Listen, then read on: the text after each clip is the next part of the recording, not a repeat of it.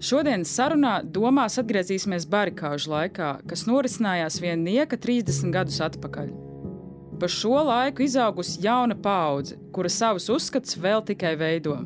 Šai tematikai pieskaras Viestures Kairišs savā jaunajā filmā Janvāris, kas vēstīja par 91. gada notikumiem Latvijā no tā laika jauniešu skatu punkta.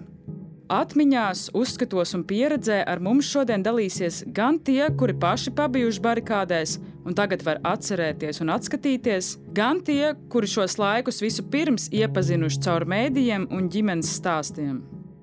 Socioloģija Baiva Bela komentējot kolektīvās atmiņas veidošanos.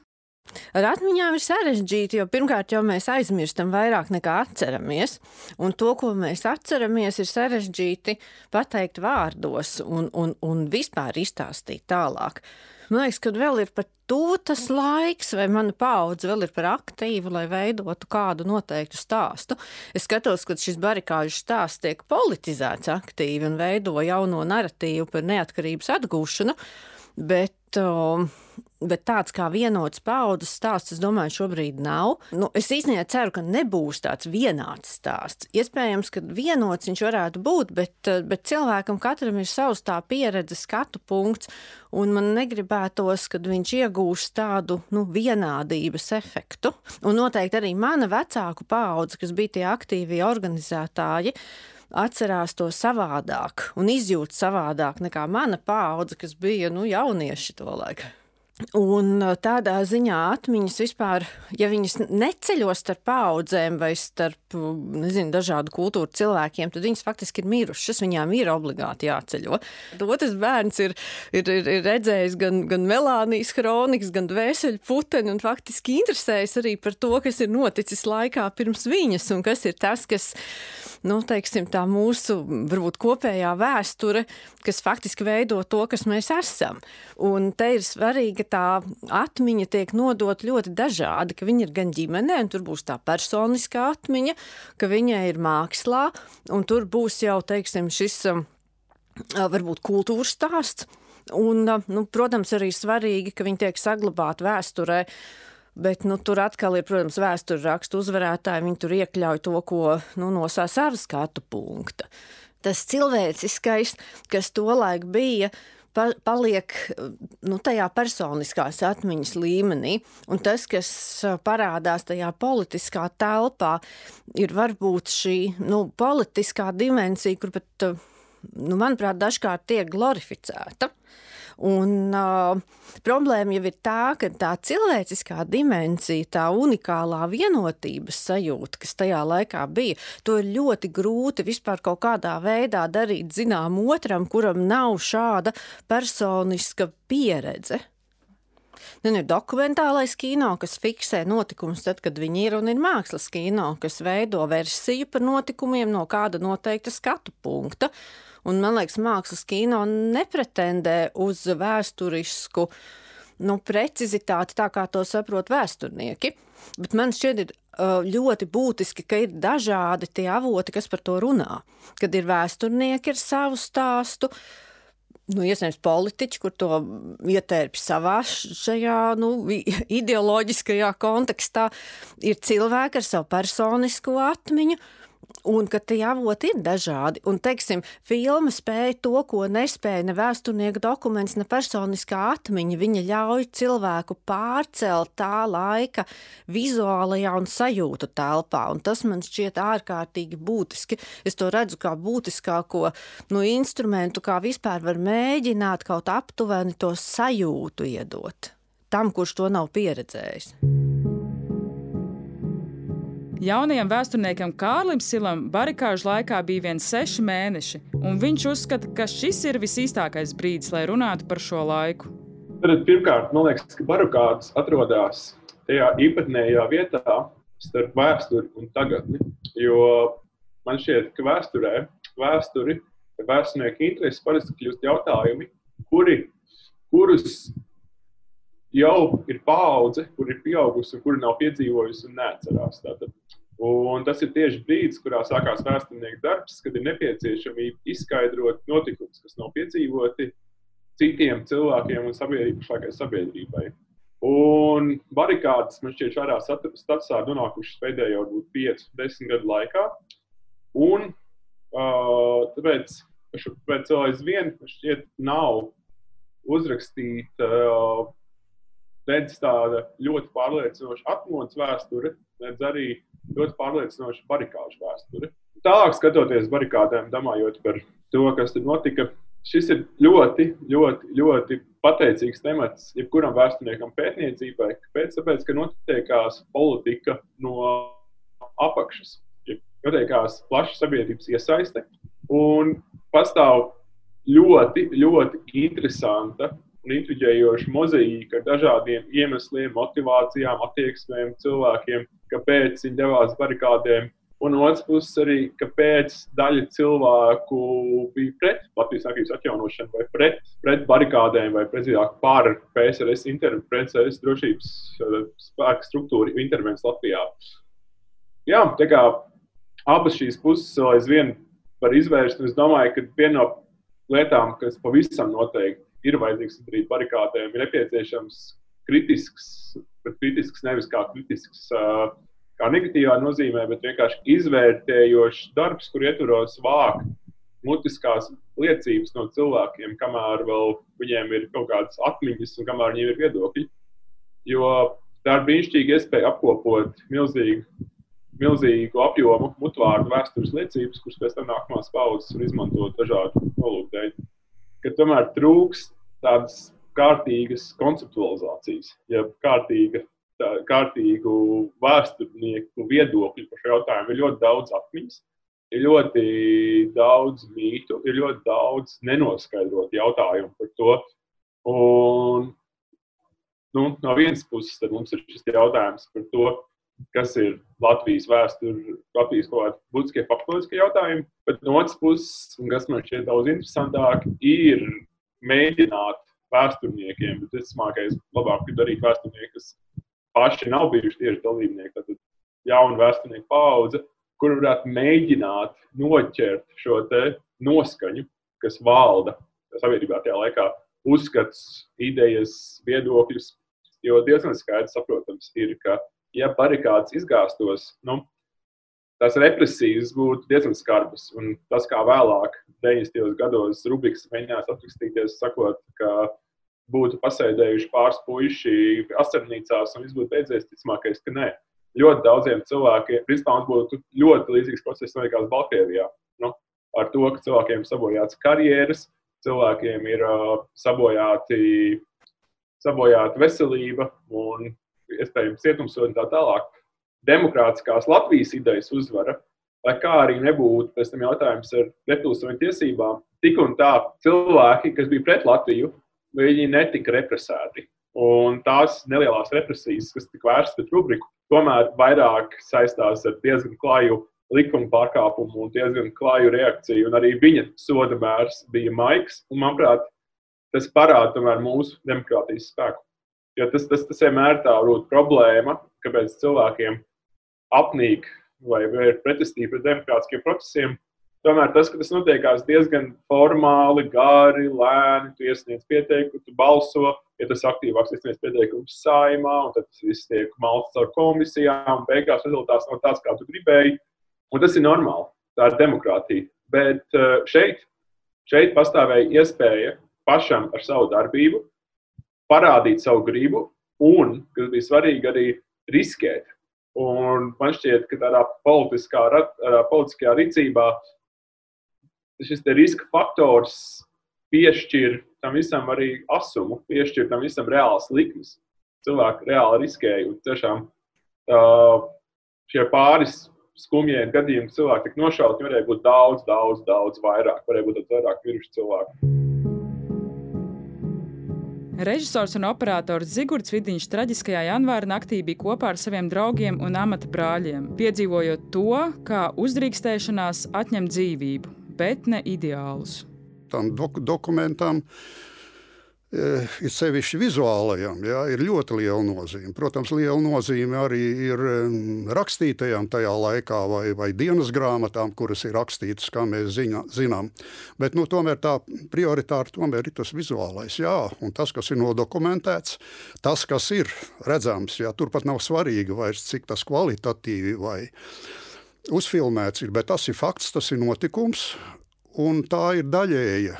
Tālāk strādājot pie kaut kādas filmas vai citiem materiāliem, ja veidojot raidījumus, ir tas, ka nu, kaut kādā veidā tomēr izdodas parādīt jauniešiem, it sevišķi, kuri par to laiku, jāsaka, ļoti maz zina. Nu, toreiz es intervēju arī ļoti daudz jauniešu, ja, kuri tur stāvēja, ja, kuri bija ar mieru palikt tad, ja tur brauks ar tankiem vai nāks ar ieročiem, un kuri bija gatavi uz to, ka viņi tiks arī nošauti. Ja? Es domāju, ka tur vēl papildus tas bija tā fantastiskā kopības, vienotības, tas enerģētiskais lauks, kas tur bija. Ja? Un es domāju, ja arī tur atnāca kādi jaunieši, ja, kuri varbūt tur gribēja iziet cauri, paskatīties, tad viņus vienkārši tas paņēma. Viņi tur palika uz nakti un palika dežūrēt tam barikādēm. Ja. Bet es domāju, barikāžu laikā, ja, barikāžu laikā bija tas, tas enerģētiskais, ja, kas valdīja.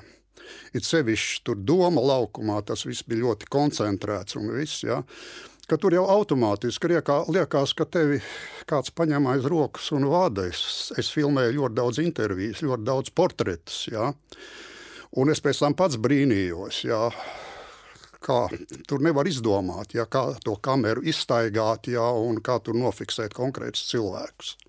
Viņa laikā, kad viņš dzīvo, ir kaut kādi brīži, kad viņš izdara kaut kādas ļoti svarīgas, būtiskas lietas priekš sevīm, priekš saviem draugiem, un varbūt pat plašāk priekš sabiedrības. Ja. Un eh, šie jaunieši, kas tagad šodien aug, ja man pašam jaunatne ir pietiekoši jā, zina par šo te vēsturi, un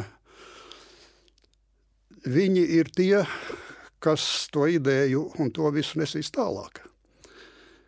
Jo tas, ka te mēdz teikt, ja ah, kāda mums šo jaunieši un kas tur un ko viņi, viņi negrib vai nevar kaut ko visi muļķības. Ja. Ja tuvāk mēs tam visam pieejam, ir fantastiska jaunatne mums. Ja. Es domāju, ka šī filma, aktieru kino, ko Kairis taisa, ir īstajā laikā. Jo es kādus gadus Desmit atpakaļ ļoti bieži man aicināja uz skolām rādīt manas filmas, un notika tikšanās ar, ar skolniekiem. Un tad es nosacināju, it sevišķi, kad bija pagājuši jau kādi desmit gadi, ja, ka tā interese ar vienu pieaug ar katru gadu, ja, un arī tie jautājumi, kas tiek uzdoti, nav vairs tādi, nu, tādi trafareti, ja, bet faktiski jau pa lietu. Un tie jaunieši grib zināt, ja, detaļas kaut kādas. Tā kā tas ir ļoti būtiski ja izdotos kino, aktieru kino, Kairišam parādīja tieši šo enerģētisko, emocionālo, to visu, jā, tad tas būtu, es domāju, lieliski. Galvenās lomas atveidotāja Kārla Avots šodien silda viņa vectēva meitelis un stāsti, ko uzzinājusi no kolēģiem, gatavojoties filmai. Nu, sākumā, kā jau visi skolotājs tevi ar barikādēm iepazīstina, pirmais, kas man palika prātā no skolas laika, ir uh, tieši tie dramatiskākie notikumi, kā jau jaunam cilvēkam tev interesē tas trakākais, kas tur notika. Tu mazāk interesējies, kādas idejas vārdā tas, tas bija tad. Un tad es atminos diezgan spilgti, ka bioloģijas stundā mūsu uh, barikāžu atceres dienā rādīja šo materiālu tieši Bastēkalnā apšaudi. Uh, Un es atceros, ka uz nestuvēm nesaka video zvaigzni, bet tad es nezināju, ka tas ir video zvaigzne. Man visu laiku likās, ka tas ir tas Edijs Rieksniņš, tas puika, kurš ir nedaudz vecāks par mani. Jo, kā, tajā brīdī likās, kā viņš tur cauri tam Basteikalnam skrēja. Un visi tie upuri, man lik, es meklēju to, man, man šķita, ka tie visi ir Edija Rieksniņi. Tagad man ir 24 gadi. Es domāju, ka es noteikti būtu, jo šajā vecumā jau tev ir izveidojušās kaut kādas politiskās pārliecības. Un, Un skaidrs, ka arī 18-gadīgam tajā brīdī tā ideja par neatkarību ir nu, pilnīgi dziņa. Bet uh, tomēr tu vairāk, manuprāt, fokusējies uz to savu dzīvi, mēģini saprast, kas tev patīk un atrast. Un, un tas, tas 18 gadnieku vecums, man liekas, tā ir tā anarhija, ka principā viss nosacīti besī un nekas nepatīk. Bet savos 24 gados es domāju, ka es pavisam noteikti gribētu piedzīvot to notikumu, jo kāds ir neskatoties to, ka tā ir milzīga neaprakstāma varonība, ko šodien vispār nevar pat saprast nu, nerunājot par drosmi, augstas, augstasinību un pašaizliedzību.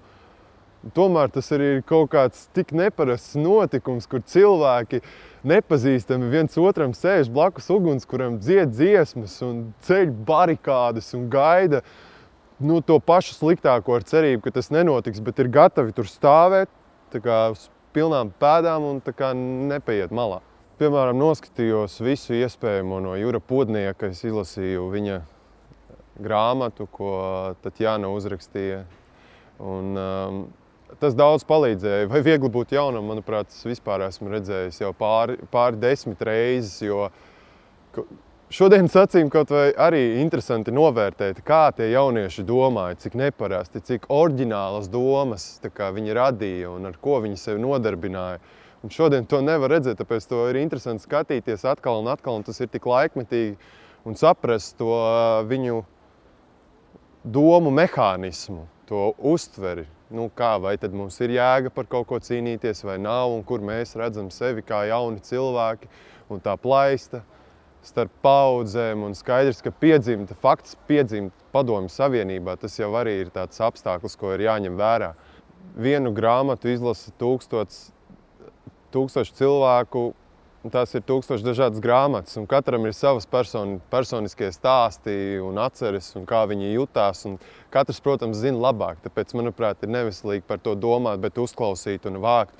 Un vienkārši pietuvoties tai sajūtai, pietuvoties, pielaist to apstākļu sev klāt, kā tas ir. Kad, kad šauj, tu nesaproti, no kurienes šauj, ka nepārtraukti mistiski helikopters kaut kur lido, ka tev jaka ir pievilkusies ar dūmiem nu, dažādas lietas. Nu, skaidrs, ka katram ir viedoklis, bet uz, uz to nevajag ieciklēties, bet tajā vajag ieklausīties.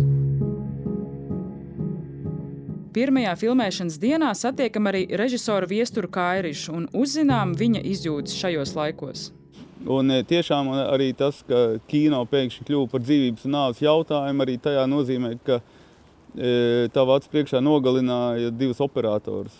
Man, e, es biju cilvēks bez valstiskuma apziņas. Es biju e, nihilists, es biju mm, tāds e, radikāls jaunietis. Un cilvēks, kurš vienmēr gāja pret straumi. Man liekas, nu, ja visi iet, iet uz barikādēm, tad es tur neiešu. Nu, kaut kādā tādā garā. Es biju pilnīgi tāds. Es biju cilvēks, kurš meklēja savu vietu dzīvē. Es nevarēju saprast, kā, kā izrauties no sava kaut kāda strupceļa garīgā un, un, un kā izlausties uz dzīvi, kā, kā saprast, kas es esmu, ko es gribu. Tautas cīņa tā bija kaut kāda ārkārtīgi jēgpilna lieta, bet personiskajā līmenī tur bija baiss, bezjēdzīgs tunelis tikai priekšā. Nu, manuprāt, šeit mēs sastopamies ar dažiem paradoksiem. Viens paradoks ir, ka daudz saka, nu, kāda mēs toreiz bijām vienoti, un tagad mēs nekad tādi vairs neesam bijuši. Bet es gribētu teikt, paldies Dievam, Mums nekad nav bijusi tāda situācija. Un e, šis, man liekas, ir tāds nearguments, jo arī ar visu covid, ar visām, visā, viss kaut kas ir bijis, bet nekad nav bijis kaut kas tik dramatisks. Un man ir tiešām diezgan, diezgan stingra pārliecība, ja atkal būtu kaut kas tik dramatisks, ka mēs būtu atkal tikpat vienoti. Un e, noteikti daudzi būtu gatavi arī upurēt dzīvības, ja vajadzētu. Es domāju, ka mēs visi paturam barikāžu laika to vēstījumu, ka mēs esam tauta, kura var pastāvēt par sevi, kura var cīnīties par savu brīvību un negaidīt, ka tas viss nokritīs no gaisa. Nu, man liekas, tās ir svarīgas atziņas, īpaši, ka mēs redzam, kas notika ar tām eh, kaimiņu valstīm, kuras tā arī neatraisījās no Padomju Savienības, neatraisījās no Krievijas. Viņas cīnās joprojām. Ja mūsu valsts eh, tapšanā ir kaut kas nozīmīgs, mēs, uz kā mēs varam veidot savu nacionālo identitāti, tad barikādas noteikti ir tās. Jo citos laikos mēs bieži pieļāvām gan okupācijas karaspēku ienākšanu, gan arī mūsu nevardarbīgā pretošanās bija diezgan pasīva, un arī 50 okupācijas gadi bija ar tādām neregulārām un atsevišķām pretestības izpausmēm, bet nebija tādi. Nu, mēs ārkārtīgi daudz lepoties ar to nevaram. Bet ar šo lietu, ar šo barikādēm mēs, sapr, mēs varam pateikt skaidri, nē, mēs nebijām tikai tāds upuris citu rokās. Mēs paši ņēmām, gājām un izcīnījām savu, iestājāmies par savu brīvību un to nosargājām. Filmas māksliniece Ieva Jurjāna dalās piedzīvotajā atmiņā, atsaucot stāstus no ASV draugiem, kuri toreiz sajūsmājās, ka tieši pie mums Latvijā dzīve norit kā kino. Vairāk kārt strādājot pie vēsturiskām filmām, es uh, rekonstrukciju sāku saprast, kā laiku, izpratni par laiku vispār. Ka, šis brīdis arī tūlīt būs vēsture. Nu, varētu teikt, ka es vienkārši izjūtu aizvien eh, cilvēcīgāks jūtas eh, pret visu laikmeta cilvēkiem, jo emocionāli savā dzīves griezumā mēs piedzīvojam vienu un to pašu, mainās tikai tie ārējie apstākļi, man ir jāpadara ticamu to stāstu, vienalga vai tas notika pirms 30 vai pirms 70 gadiem. Mākslas patiesībai ir jābūt milzīgā sasaistē ar dzīves patiesību, tomēr tai nav vienlīdzības zīme pa vidu. Un, tas fenomens ir tas, ka pat piedzīvojot vienu un to pašu notikumu, katrs mēs redzam pilnīgi kaut ko citu. Jūs uz mani skatāties, jūs redzat, kas man ir aizmugurē. Es skatos uz jums, es skatos uz citu fonu. Mēs it kā piedzīvojam to pašu notikumu, bet mums ir katram pilnīgi cita bilde par to. Pa to laiku ir skrupulozas dienas grāmatas, un tagad es biju spiesta viņās ielasīties, jo nekad jau dzīvē nav bijis laiks to darīt. Un, nu, tas ir ļoti kā, reizē aizkustinoši, cik cik daudz kas ir naivi, bet cik daudz kas ir patiesa un cik, nu, jā, cik tomēr aizraujoša dzīve. 89. gadā, vēl pirms šīm barikādēm, mums bija skolas apmaiņā ar Ameriku. Pirmās ārzemes, uz kuriem es aizbraucu, bija Amerika. Man bija tādi amerikāņu draugi, un, un viens no viņiem, kas arī filmēja mūsu ierašanos tur, un pēc tam atbrauca šeit, un sākās visi šie ekstremālie notiek, notikumi. Viņš teica, viņš tā apskauda mūs, viņš teica, you Latvians, you live uh, movie lives.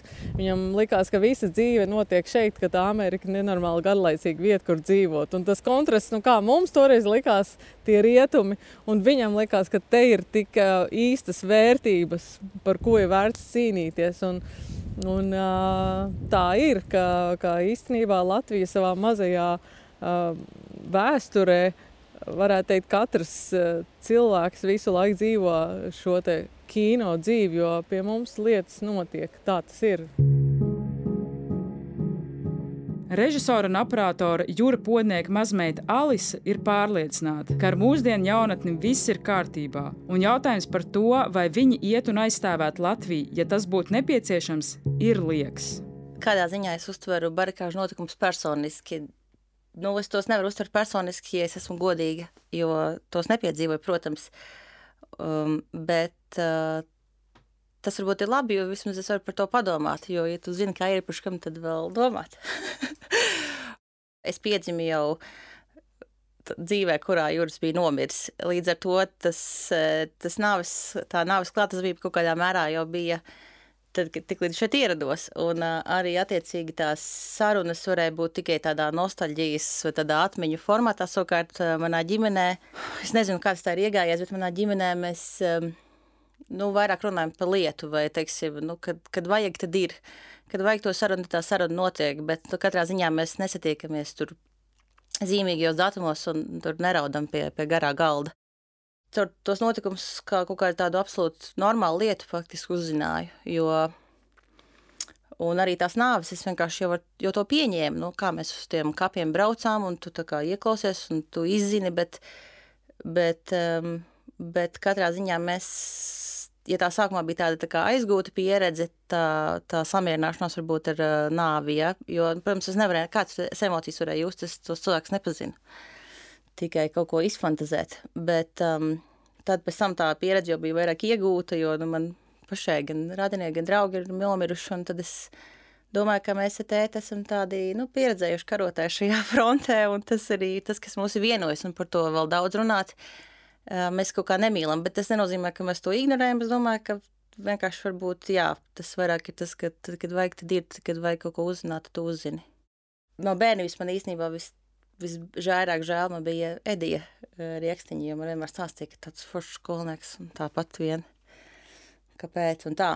Un tad tas, par ko man tas ir līdzis padomāt, ir, kāpēc es dzīvoju tā, it kā man būtu daudz laika. Uh, jo nu, tā doma gan nekādi nepalīdz mainīt to dzīves ritējumu, bet katrā ziņā ir labi atcerēties ik pa laikam, ka, ka mēs neesam nemirstīgi, un man šķiet, ka uh, tas ir varbūt arī kaut kas tāds, ko sabiedrība tajā dienā saprata. Tas, kas man šķiet interesanti, ir, ka tā vienotība pierāda, ka uh, tās saiknes ar mums ir kaut kāda lielāka nekā mēs varbūt zinām, un, un lielāka nekā mēs paši esam. Un tas ir gan domāt par to, ka kāpēc es kaut ko varu just, ja es neesmu iepazinis savu vecstāvu un viņa biedrus, un tas liecina arī par to, ka tā sabiedrības vienotība vai tā saikne ir daudz spēcīgāka nekā mēs to varbūt apzināmies.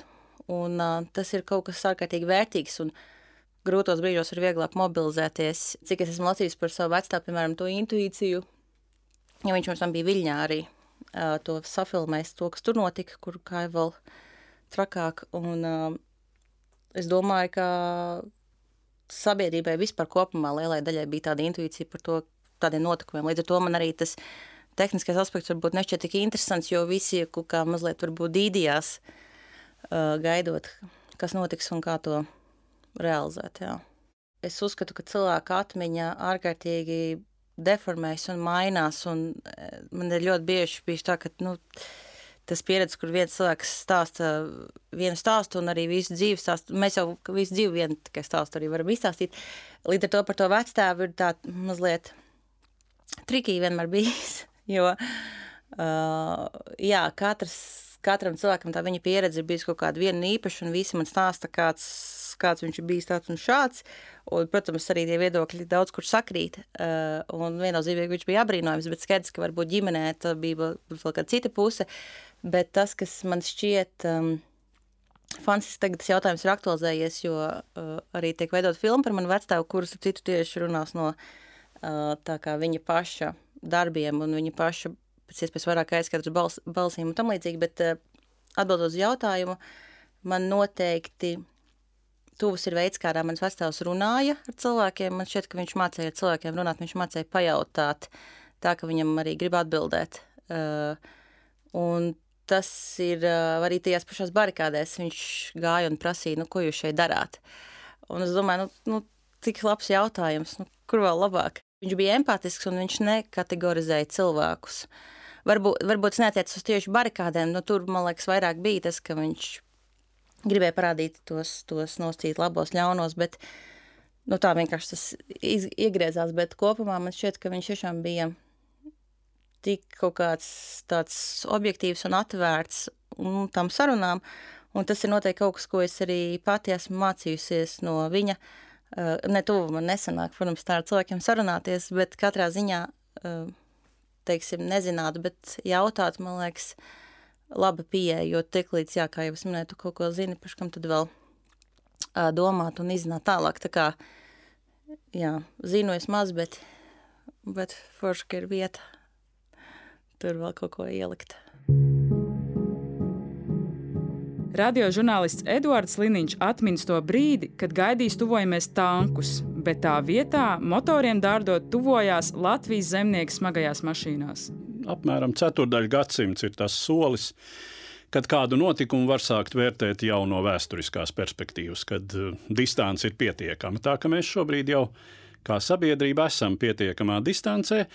Es gan nedomāju, ka barikāžu laiks ir izdalāms ārpus visa pārējā atmodas procesa un valstiskuma atjaunošanas procesa, bet, uh, protams, tas sabiedrībai deva diezgan nozīmīgu grūdienu.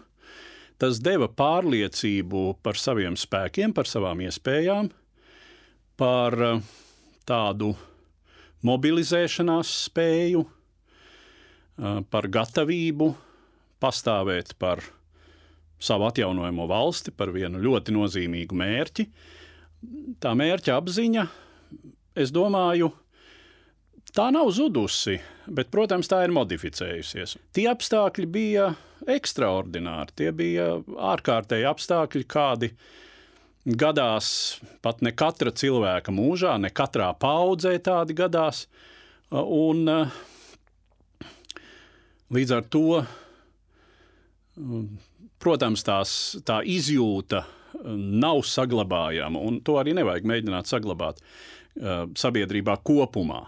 Visas šīs runas par ceturto atmodu, kas tiek attiecinātas uz kaut kādu negāciju risināšanu, uh, kas mūsu sabiedrībā parādās, ir nu, Tur ir daudz naivuma un arī mazliet bezatbildības, es teiktu, vienmēr, kad mēs kaut ko tādu dzirdam. Nekāda ceturtā atmoda, kamēr mums ir mūsu suverēna valsts, kamēr mums ir mūsu demokrātija, nekāda ceturtā atmoda nav vajadzīga un nav iespējama. Un tās problēmas, kas mums ir šobrīd, ir risināmas normālā demokrātiskā procesā, ikdienas darbā atgriezties jaunībā ar šīs dienas prātu. Tas ir tāds uh, nevelti šo piedāvājumu Gētes Mefistofelis izsaka Faustam. Un tas ir ļoti slidens piedāvājums, kā to rāda uh, pasaules hrestomātiskā darba sižets. Uh, un atgriezties tur ar tā brīža prātu un izjūtu, nu tad droši vien es pieļautu kādas citas kļūdas, un eh, tā, tā dzīves gaita būtu varbūt kaut kāda citādāka, bet nedomāju, ka ar kaut ko daudz labāka nekā tā man ir bijusi līdz šim. Uh, un, eh, ja tu atbild ārpus tādas personiskas pozīcijas, tad uh, atkal jau, kā es teicu, man gribētos cerēt, ka mūsu sabiedrībai kopumā nebūs vajadzības neko tādu atkārtot. Kaut tas, protams, bija ļoti skaisti, tas bija emocionāli neatkārtojami, es domāju, arī uzlādējoši. Es gribētu teikt, ka, nu labi, man grūti spriest par visiem, bet katrā ziņā mani pašu šie notikumi noskaņoja kādai pareizai dzīves uztverei, kas uh, ir ar mani joprojām, no kā ir vērts baidīties, no kā baidīties nevajag un nedrīkst. Ja jūs gribat dzīvot kā Dānijā vai Norvēģijā, tad varbūt arī vajadzētu domāt kā Dānijā un Norvēģijā. Es atceros labi pirmo vakaru, 13. janvāri, kad uh,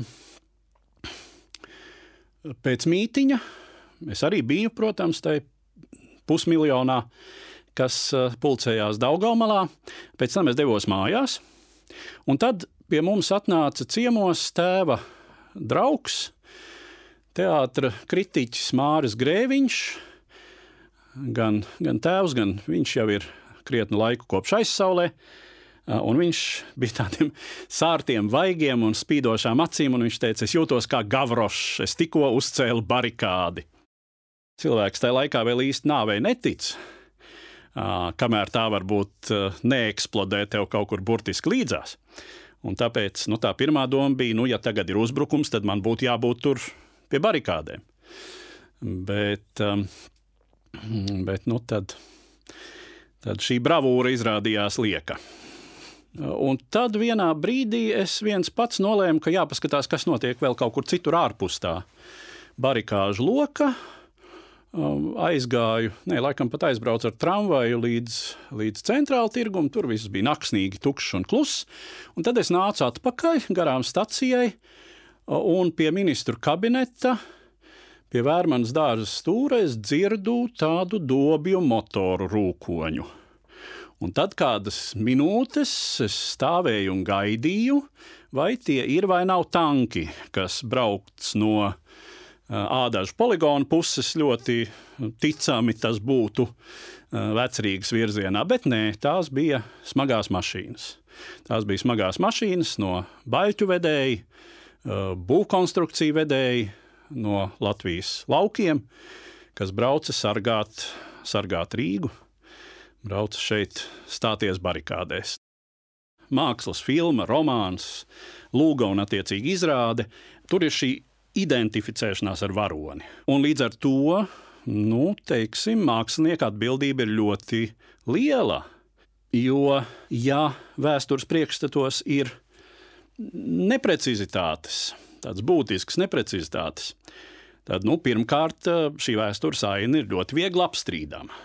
Nu, lielākā, lielākā nelaime, nu, kas gan jāsaka, tik bieži nenotiek par laimi, nu, ja tiek radīti tādi tiešām aplami būtiskai patiesībai pretēji priekšstati. Nu, un tad no tā var izrietēt kādā brīdī arī neadekvātā cilvēku rīcība. Operatora Andra Slapiņa sieva Natālija Džušana ar bērniem dzīvo Maskavā, taču Andra stāstu uztur dzīvu cauri laikiem. Tā bija māja mēneša. Es atceros, ka tā bija māja 90. gadā. Un Andris filmēja šo konferenciju, un viņš atnāca uz mājām, un viņš teica, ka šodien bija tāda svarīga diena, ka šodien mēs pieņemsim šo deklarāciju. Bet tā bija, kad Latvija nebija brīva. Ja? Un es teicu, kā tu domā? Šodien jūs, domāj, jūs rakstiet šo deklarāciju, bet kad tā fiziski būs? kad var Latvija būt brīva, kad viņa būs, kad, kad viņa būs kā sava valsts dzīvot. Ja? Viņš teica, nu, es domāju, ka tā nebūs ļoti ātri. Es domāju, ka kādas desmit gadus vai divdesmit gadus būs, bet nu, dzīve iet uz priekšu. Ja? Un pēkšņi nākoša gada janvārī bija tādi notikumi. Un tā ir ļoti interesanti, ka mēs nedomājam, ka uh, situācija mainās tik ātri. Mēs nevaram zināt, kādas filmas, ko rāda citam cilvēkam un citai paudzei. Apmēram šajā brīdī jaunieši skatās filmu Jūra Pudnieks vai viegli būt jaunatnēm. Un viņi skatās, un viņam ir ļoti, ļoti, ļoti interesanti. Viņam ir ļoti daudz jautājumus. Viņi nesaprot, kā cilvēki dzīvo kā, kā, kā jauniešiem bija to laika, kāpēc bija tādas problēmas, par ko iet runa, kādreiz viņi nesaprot. Bet ir tikai nu, 35 gadi ir no, no, no šī laika. Ja? Tāpēc, ka, tāpēc es domāju, ka katra fiksācija vēsturiskā, kādas, kādas vēsturiskas situācija, viņa ir ļoti, ļoti, ļoti svarīga principā visu laiku tā ir tādi cilvēki, kuram revolucija, kāda revolucionāra situācija ir ļoti patīkami. Tā ir absolūti normāli, tāpēc, ka viņi ir jaunie cilvēki, viņam viņam gribas kaut ko citu, citu dzīvu, ļoti labāko dzīvi, interesantāko dzīvi. Viņi, viņi visu laiku viņi grib būt brīvi, viņi, viņi, tā, tā ir normāli, ja? tā ir tā, tāda, nu, principā tāda pauze, kura visu laiku skriet uz barikādiem. Tā ir normāli, tā visa pasaule tā ir. Principā viņi bija tādi dokumentalisti.